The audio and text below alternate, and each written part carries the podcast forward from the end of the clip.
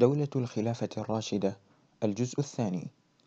امتدت الخلافة الراشدة من عام أحد عشر للهجرة إلى أربعين للهجرة ولعل أبرز ما يميزها عما جاء بعدها من دول إسلامية هي طريقة اختيار الخلفاء والحرص على اختيار الأفضل ومبايعة الناس لهم عن قبول ورضا. ونعرض فيما يلي الطرق المختلفة التي تولى بها الخلفاء الأربعة. ونحدد القواسم المشتركة بين هذه الطرق وكذلك أوجه الخلاف وأبرز ما أثير حولها من شبهات.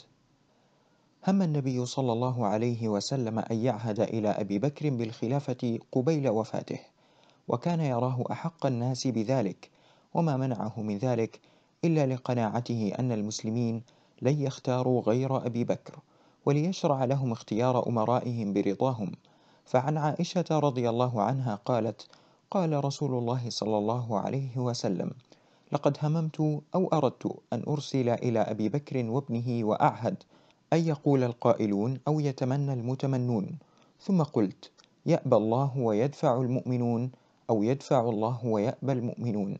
رواه البخاري ومسلم.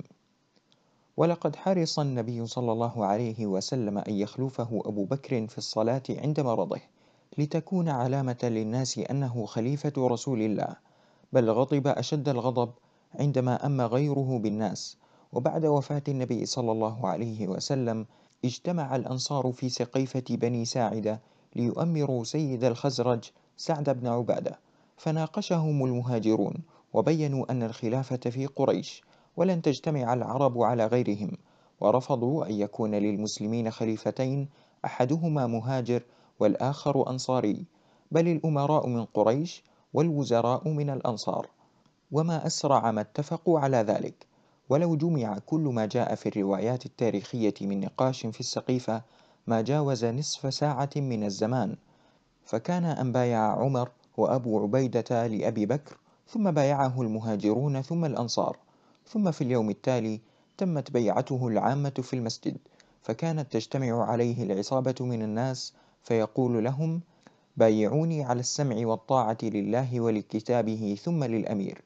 وبعد هذه البيعة قام في الناس خطيبا فحدد سياسته العامة التي التزم بها رحمه الله في حياته وسار عليها خلفاؤه الراشدون من بعده فقال أما بعد أيها الناس فإني قد وليت عليكم ولست بخيركم فإن أحسنت فأعينوني وإن أسأت فقوموني الصدق أمانة والكذب خيانة والضعيف فيكم قوي عندي حتى أريح عليه حقه إن شاء الله والقوي فيكم ضعيف عندي حتى آخذ الحق منه إن شاء الله. لا يدع قوم الجهاد في سبيل الله إلا ضربهم الله بالذل ولا تشيع الفاحشة في قوم قط إلا عمهم الله بالبلاء. أطيعوني ما أطعت الله ورسوله. فإذا عصيت الله ورسوله فلا طاعة لي عليكم وقوموا إلى صلاتكم يرحمكم الله. رواه ابن هشام في السيرة بإسناد حسن. ولشدة حرص الصحابة على اجتماع أمر المسلمين على أمير انشغلوا عن دفن النبي صلى الله عليه وسلم حتى بايعوا لأبي بكر. ولذلك لم يتخلف عن بيعة أبي بكر العامة غير علي والزبير اللذين انشغلا بتجهيز النبي صلى الله عليه وسلم ثم بايعا بعد ذلك. وعندما حضرت الوفاة أبا بكر خشي الموت ولما يتفق المسلمون على أحد لخلافته فيحدث بينهم الشقاق فشاور كبارهم في من يخلفه ولم تختلف كلمتهم أن أحق من يكون بعده عمر بن الخطاب وشاور أبو بكر عثمان بن عفان وأشار عليه بعمر فأمره فكتب كتابا يوصي فيه إلى عمر.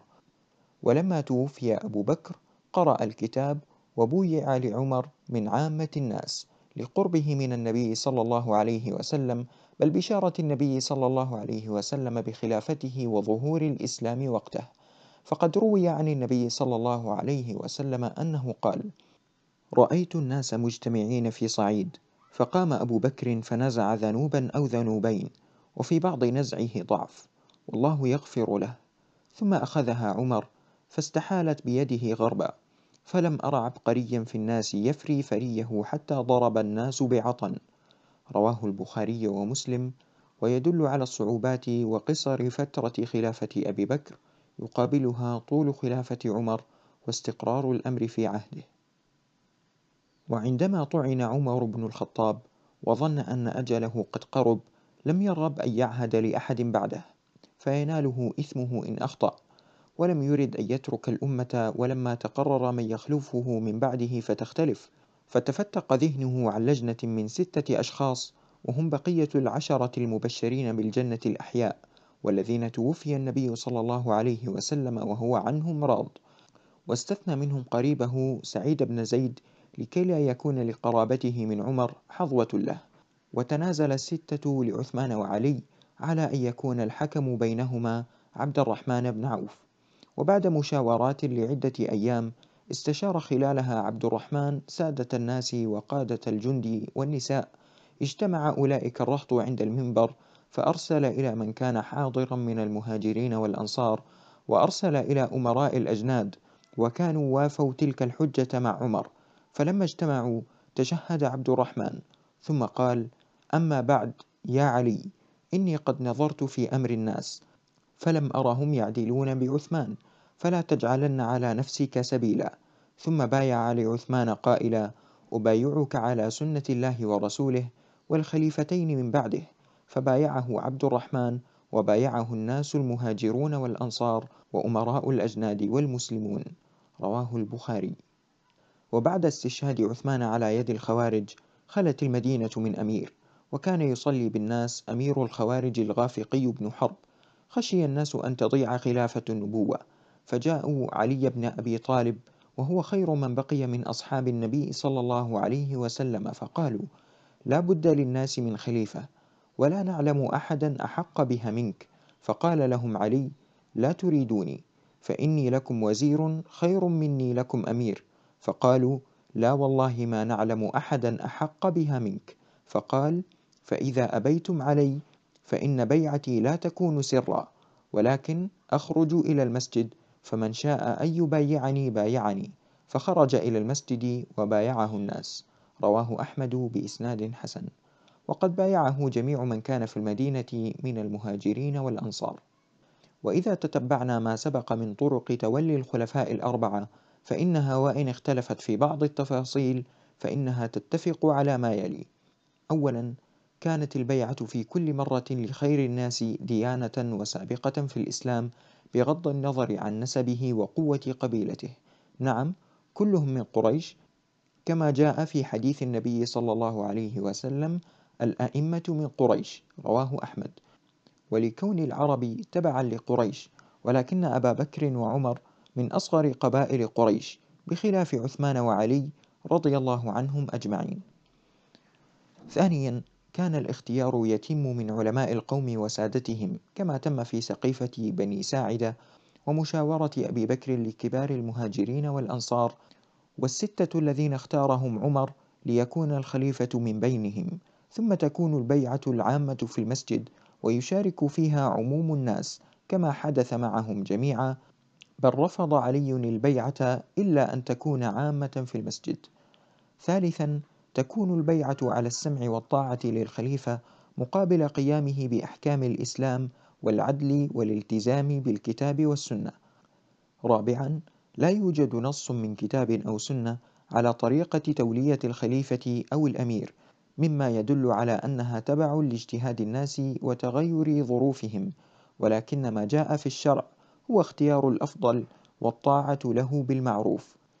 خامسا من الخطأ أن يقصر البعض طرق تولية الخلافة بالعهد والشورى والتغلب لأن هذا ما حدث، بل تجتهد الأمة وفق ظروفها ومستجدات عصرها مع مراعاة اختيار الأفضل والبيعة العامة والسمع والطاعة له بالمعروف للنص عليها بالكتاب والسنة.